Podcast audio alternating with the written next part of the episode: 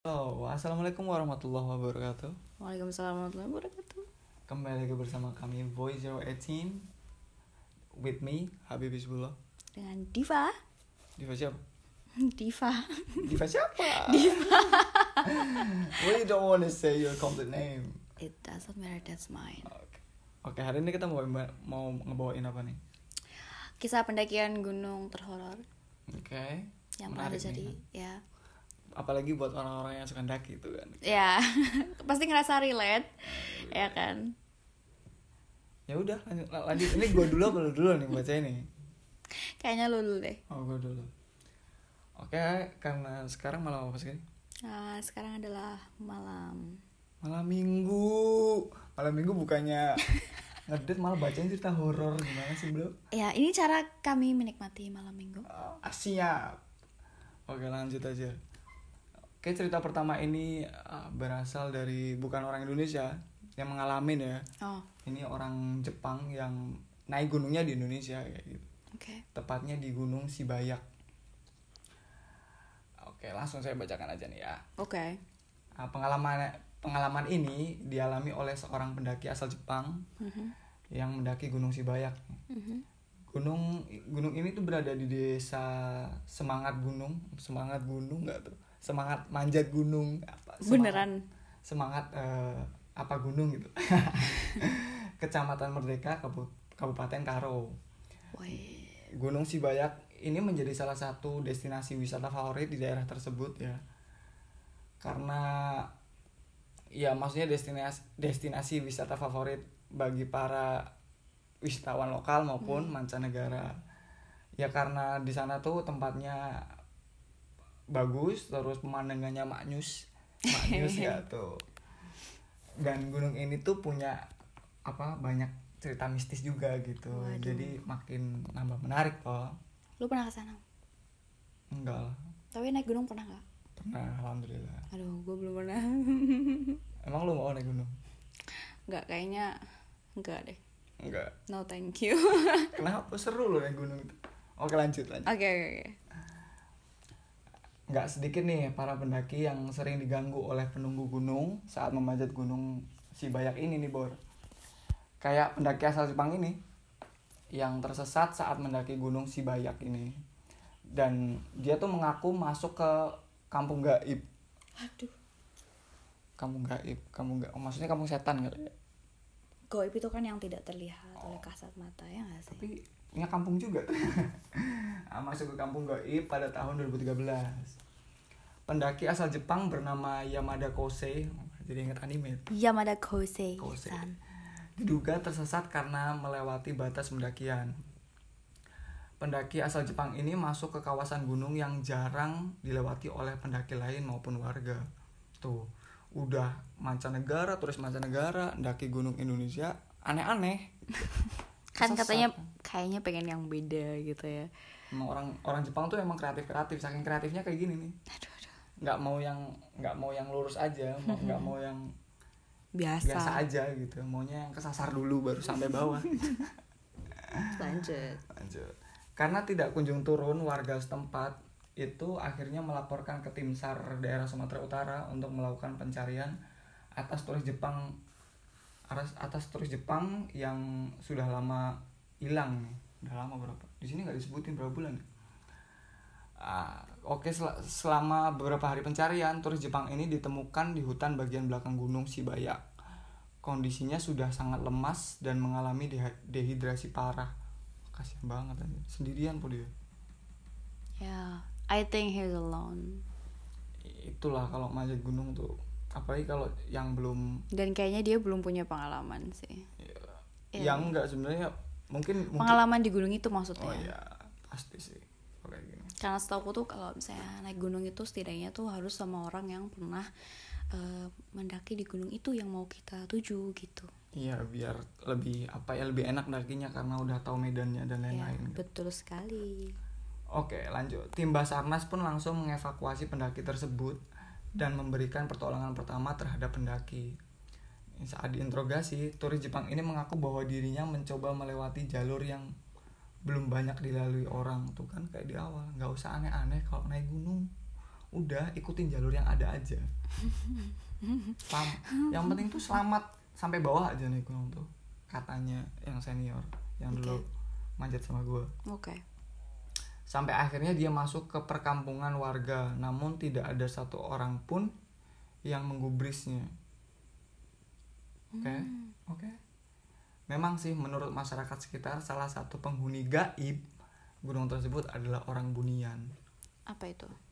orang bunian. Aku pernah dengar di orang bunian itu kalau nggak salah. Orang Sumatera. Iya itu kayaknya di daerah Sumatera nggak sih kalau nggak salah. Itu tuh ini orang yang ker- orang kerdil dan kakinya tuh kebalik gitu. Jadi Kaki balik tuh gimana? enggak jadi misalnya lu kalau misalnya jalan kan jalan ke depan kan ya telapak apa jejak kaki lu tuh kan ya jempol lu di depan kan.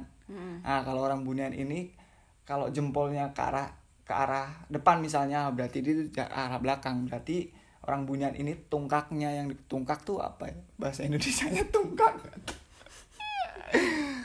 Tungkak tuh bahasa Indonesia apa Nggak tahu. apa ya, pokoknya inilah tungkaknya tungkaknya itu di bagian depan sedangkan jari-jarinya di bagian belakang kayak gitu tuh selama yang aku tahu emang apa Tungkak ya tumit.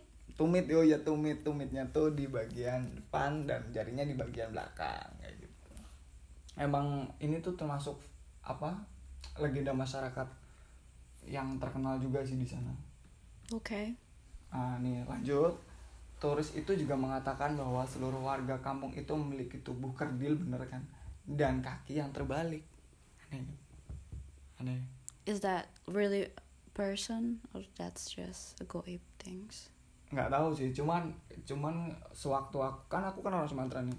Ya aku orang Jawa, cuman tinggal di Sumatera. Jadi banyak yang cerita kalau misalnya habis dari kan masih banyak hutan nih di daerahku nih. Misalnya habis pulang dari hutan kayak nem- nemu jejak-jejak orang bunian kayak gitu. Itu orang beneran dan atau pernah pernah jadi lihat orang bunian nggak tahu ya itu cuman mereka cerita aja. Cuman ya ini termasuk folklore yang yang terkenal di daerah sana. Oke, that's interesting. dia juga mengaku tidak tahu kalau ada istilah kamu gaib di Gunung Sibayak. Oke. Dibayangin aja lu manjat gunung sendiri pulang tersesat terus ketemu sama perkampungan yang goib. Kira-kira trauma lu manjat gunung Trauma? Untung aja masih ditemu untung aja ditemukan dalam kondisi hidup nih ya. ya even dia tuh dehidrasi gitu. makanya kalau manjat gunung tuh udah lah ikutin protokol yang ada. Ikutin aturan yang ada. Oke. apalagi lu belum tahu medan dan lain oke yang kedua nih cerita yang kedua.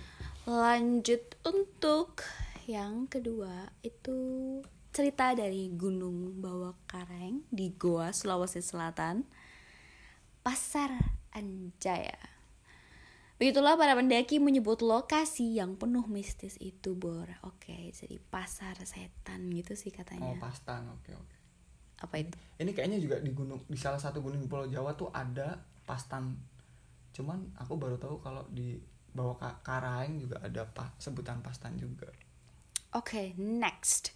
Ini berada di tengah hutan di antara Gunung Bawah Karang dan Gunung Lompo Batang, Kabupaten Goa, Sulawesi Selatan. dari Sumatera loncat ke Sulawesi Lumayan jauh, but let's see.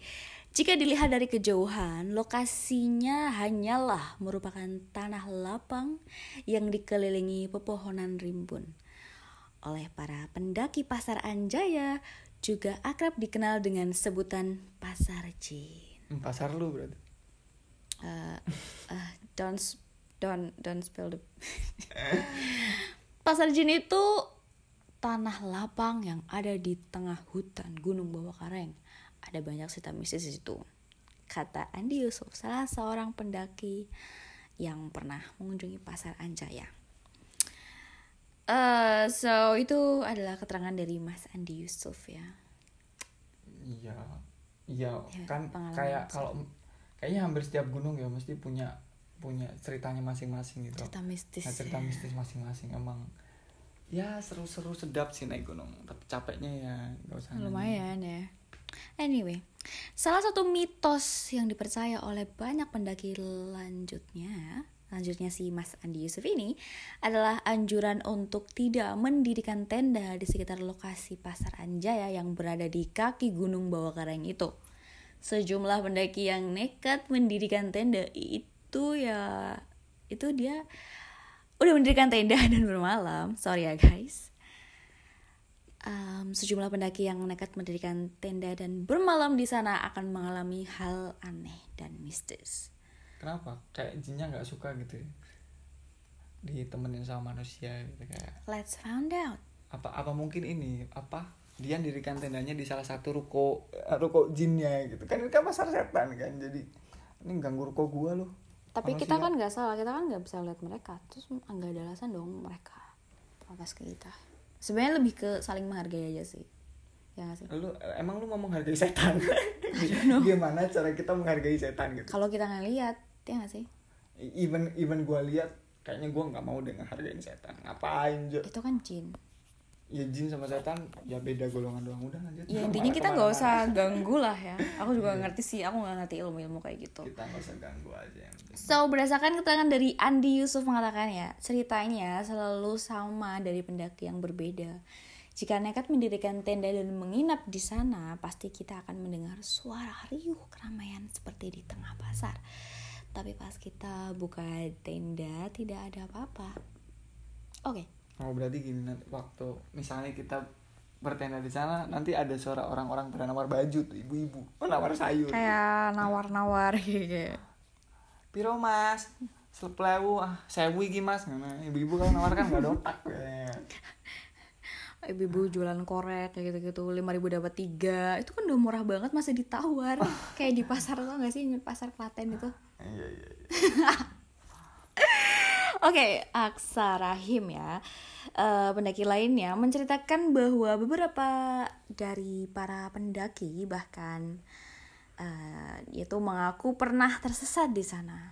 Mereka yang tersesat percaya bahwa mereka dibawa masuk ke alam goib dan Aksa juga menuturkan, salah seorang teman saya pernah tersesat di sana. Sayangnya ketika kita berhasil menemukan dia, dia tidak mengingat uh, dia dibawa ke mana. Tapi kami percaya dia dibawa ke alam goib. Gitu keterangan dari Mbak Aksa. Biasa orang Indo. Hmm. Orang Indo tuh sasar dikit, wah disasarin setan.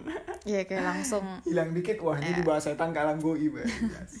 ya itu kayak penanaman dari kecil sih ya. Oke. Okay Belakangan setelah Aksa menceritakan apa yang dialaminya dan uh, kawannya itu kepada pendaki lainnya, terkuak bahwa kawannya itu melanggar tata krama dan etika ketika berada di kawasan yang dipercaya sebagai lokasi pasar Anjaya. Begitu katanya. Katanya. Ya, anyway, uh, Aksa, Mbak Aksa ini juga, eh Aksa tuh cewek cowok ya? Aksa. Eh Aksa bukannya anaknya Radit. Enggak enggak enggak. Salah salah. Salah server. Beda server. Beda server kan? Dia mengungkapkan iya waktu itu teman saya memang ngomong seolah tidak percaya. Dia tak kabur. Selain itu ya dia juga pakai baju merah padahal dilarang pakai baju merah di sana itu mirip ya. sama pak salah satu pantai di Jogja kan nggak boleh pakai baju, baju hijau, ya nggak nggak di Jogja doang sih pantai selatan gitu nggak sih nggak boleh pakai baju merah Selain itu ada cerita melegenda lainnya di sini yakni tentang arwah gentayangan perempuan berparas cantik bernama Noni. Pandi mengakui cerita mistis tersebut gitu. Mitos tersebut awalnya diceritakan oleh hampir semua penduduk di kaki Gunung Bawah Kareng yang disebut Kampung Lembana. Noni, kata warga Lembana, sering menampakkan diri saat bulan purnama. Wah. Anjay. Like your ex-girlfriend. Huh? I'm just ma kidding. My, my ex-girlfriend? What the heck? Penduduk Lembana sering bercerita kepada para pendaki. Jika bulan purnama tiba, Lalu angin tak berhembus kencang dan terdengar suara lolongan anjing. Sebaiknya jangan mendaki atau keluar tenda dulu. Begitu. Angin berhembus kencang dan terdengar suara lolongan elu loh. That's so funny. Menurut keterangan dari Pandi mengatakan bahwa ya karena bisa bertemu tiba-tiba dengan Noni yang kerap menampakkan diri. Pandi mengetahui cerita mistis tentang Noni saat bermalam di rumah penduduk di Lembana sebelum esoknya memulai pendakian untuk mengikuti upacara 17 Agustus di Gunung Bawah Oke, menurut uh, warga setempat. Oke, menurut warga setempat kata Pandi, dahulunya semasa hidup Noni sering mendaki Gunung Bawah bersama kekasihnya. Oh, oh so, mana sering daki gunung mungkin gunungnya Noni didaki sama kekasihnya. Oh, Oke. Okay. Oke, okay, sekitar tahun 1970 atau 1980-an, hampir setiap pekan Noni mendaki. Uh. Ketika itu aktivitas why, pendakian tak. Like that? why you? Ooh, It's just because she's a girl and then I've never doing something like that. So if if if you talk about girl, you you always had like have to say like ooh ooh like that. Ooh. Yeah, I mean, yeah, yeah. I mean, uh, Pandi said that um, she's doing that with with her boyfriend. I mean, you know. Oh, I do, I do, I do. Okay. That's kind of sweet in my opinion. I think her boyfriend just take care of her. Okay, next. Ketika itu aktivitas pendakian tak seramai sekarang karena sering mendaki, Anoni pun akrab dengan warga di sana. Namun, tiba-tiba suatu waktu Noni turun dari kawasan Gunung Bawah Karang seorang diri lalu menuju pemukiman penduduk. Wajahnya pucat dan sesekali hanya melotot lalu terdiam. Warga pun kata Pandi, menjadi heran melihat sikap Noni yang tadinya dikenal sebagai priang dan ramah jika bertemu dengan penduduk setempat. Noni yang dilihat itu baru diketahui ternyata adalah arwahnya yang gentayangan. Itu diketahui setelah beberapa hari kemudian penduduk yang mencari kayu di dalam kawasan hutan gunung mendapati tubuh Noni tergantung di dahan besar pohon, tepatnya di pos 3 Gunung Bawah Karang. Ungkap Pandi. Horor juga maksudnya background background story dari kejadian Noni-Noni itu tadi dark juga. So her name is Noni, right? Okay, that's the end of the story. Eh, that, ya itu apa the end of the story for the part two. Oh, for, for the the second. the list number two. Oke okay.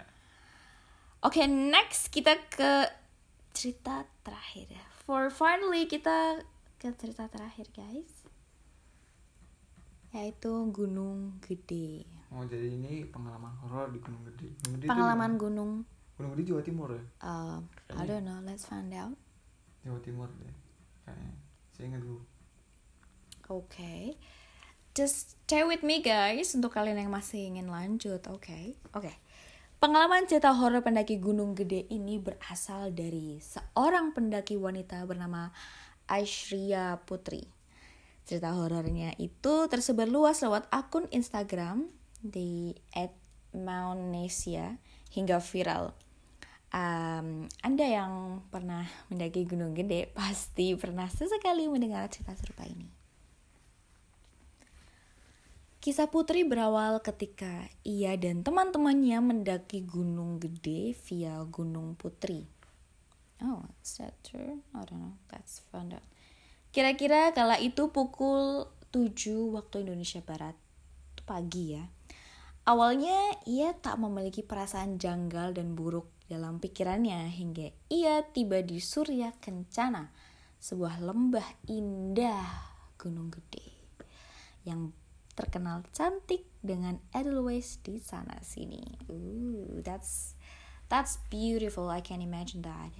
You can imagine that even even you said that you never climb a mountain. Because I just saw the pictures. Okay, my bad. Lanjut. Ketika hari berganti, ia mulai menemui hal aneh dan mengganjal. Ketika itu Putri dan teman-temannya merasa terlambat untuk melakukan pendakian ke puncak. Namun ia mencoba untuk tetap semangat meskipun kabut mulai turun menutupi pandangan jalan menuju puncak gunung. Oke. Sekitar pukul 13.30 waktu Indonesia Barat, mereka memutuskan untuk kembali ke tenda dan turun ke lembah Surya Kencana. Dalam perjalanan itu, ia bertemu dengan tiga pendaki lain yang tengah memapah teman perempuannya yang cedera. Namanya Vina. Vina. Sebagai wujud peduli, Putri dan kawannya pun menghubungi petugas untuk membantu Vina ya agar bisa cepat dievakuasi. Namun, namun, namun, namun, petugas tak jua datang hingga mereka pun beristirahat dan menghentikan perjalanan di bawah pos 3 karena hujan. Uh, hujannya tuh deras, btw. Uh, petir ditambah gelap dan suasana makin mencekam. Nggak kebayang tuh seremnya gimana. Di gunung loh. Di gunung ya, perjalanan mau mau turun gitu ya. Apa mau naik sih tadi? Mau turun ya? Hmm. mau turun ketemu gelap paling paling nggak enak malah ketemu gelap naik gunung Udah lagi mencekam kayak gitu, mereka pun membangun shelter dari fly shed, fly shed seadanya. Dalam peristirahatan itu sesekali Ini, I'm sorry I'm sorry ini nak fly sheet fly sheet. not shit but sheet Oke, not like that thanks. Dalam peristirahatan itu sesekali mereka mengobrol untuk mengalihkan perhatian Vina yang sedang melamun dengan tatapan kosong. Namun naas, tubuh Vina mendadak dingin dan lemas tak tersadar tak sadarkan diri. I'm sorry guys. Lemas tak sadarkan diri. Sontak membuat panik dan mencoba menyadarkan Vina dan meyakinkan bahwa perjalanan segera usai. Vina sempat sadar kala itu, namun tatapannya kosong ya, masih kosong. Wajahnya pun pucat asih.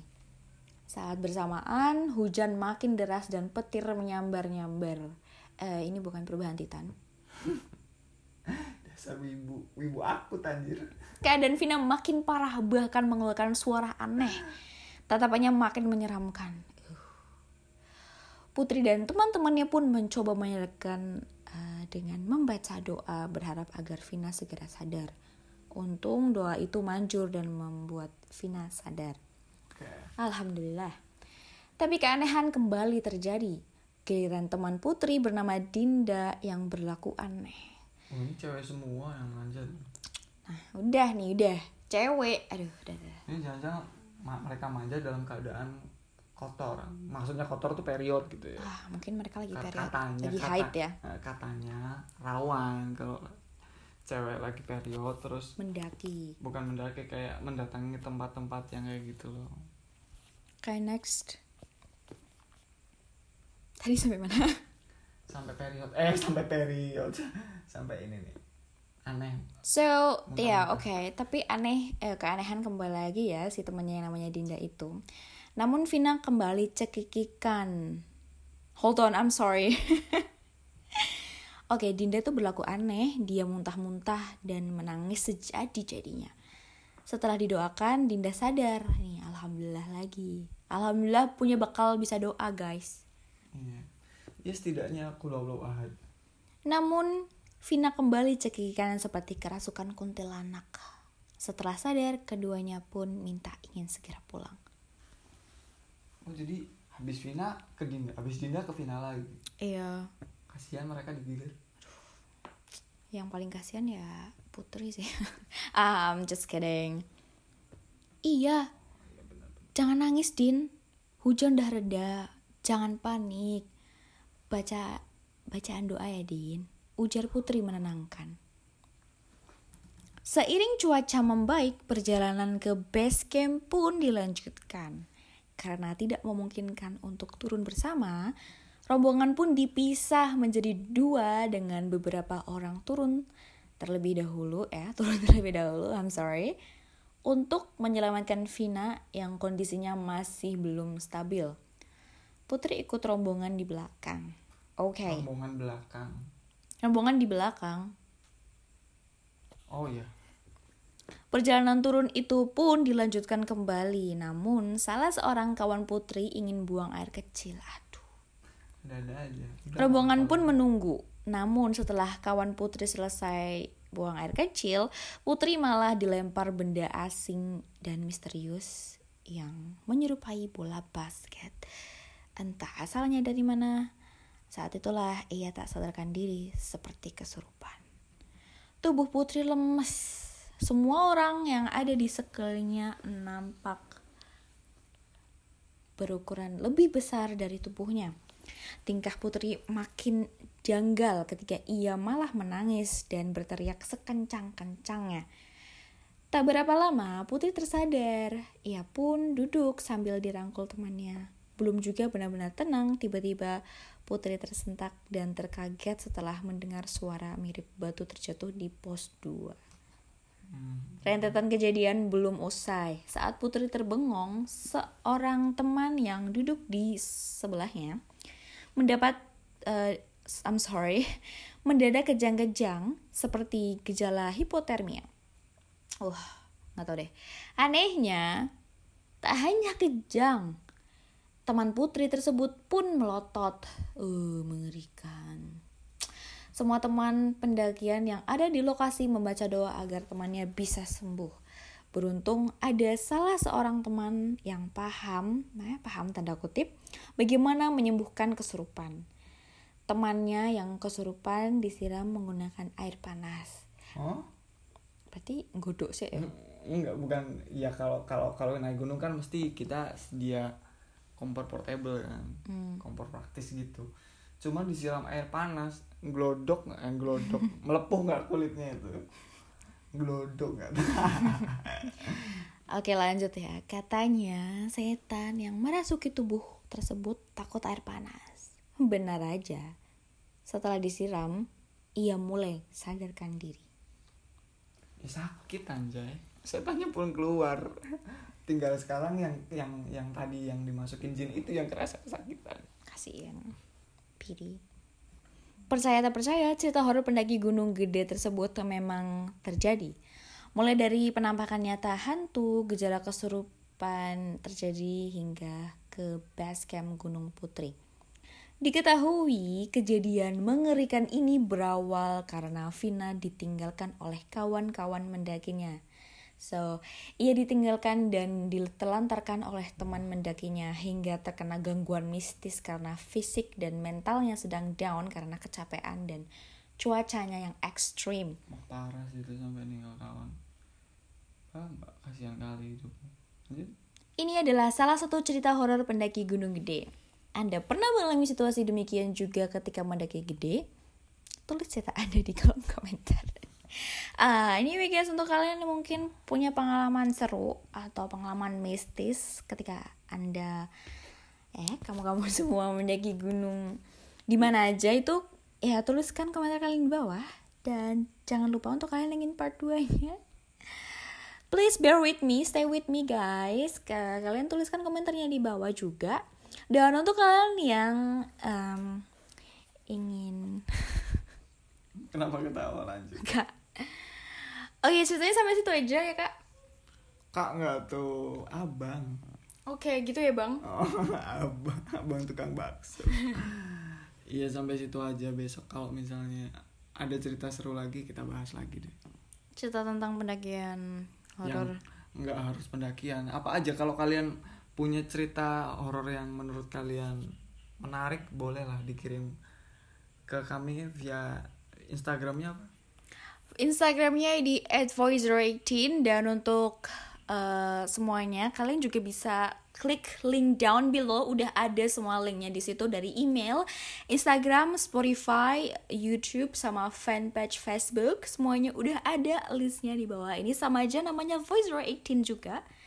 Dan linknya udah ada di bawah. Tenang aja guys. Tinggal klik aja dan as always guys eh, semoga kalian malam hari ini nggak takut tidur sendirian dan tidak takut ke toilet sendirian.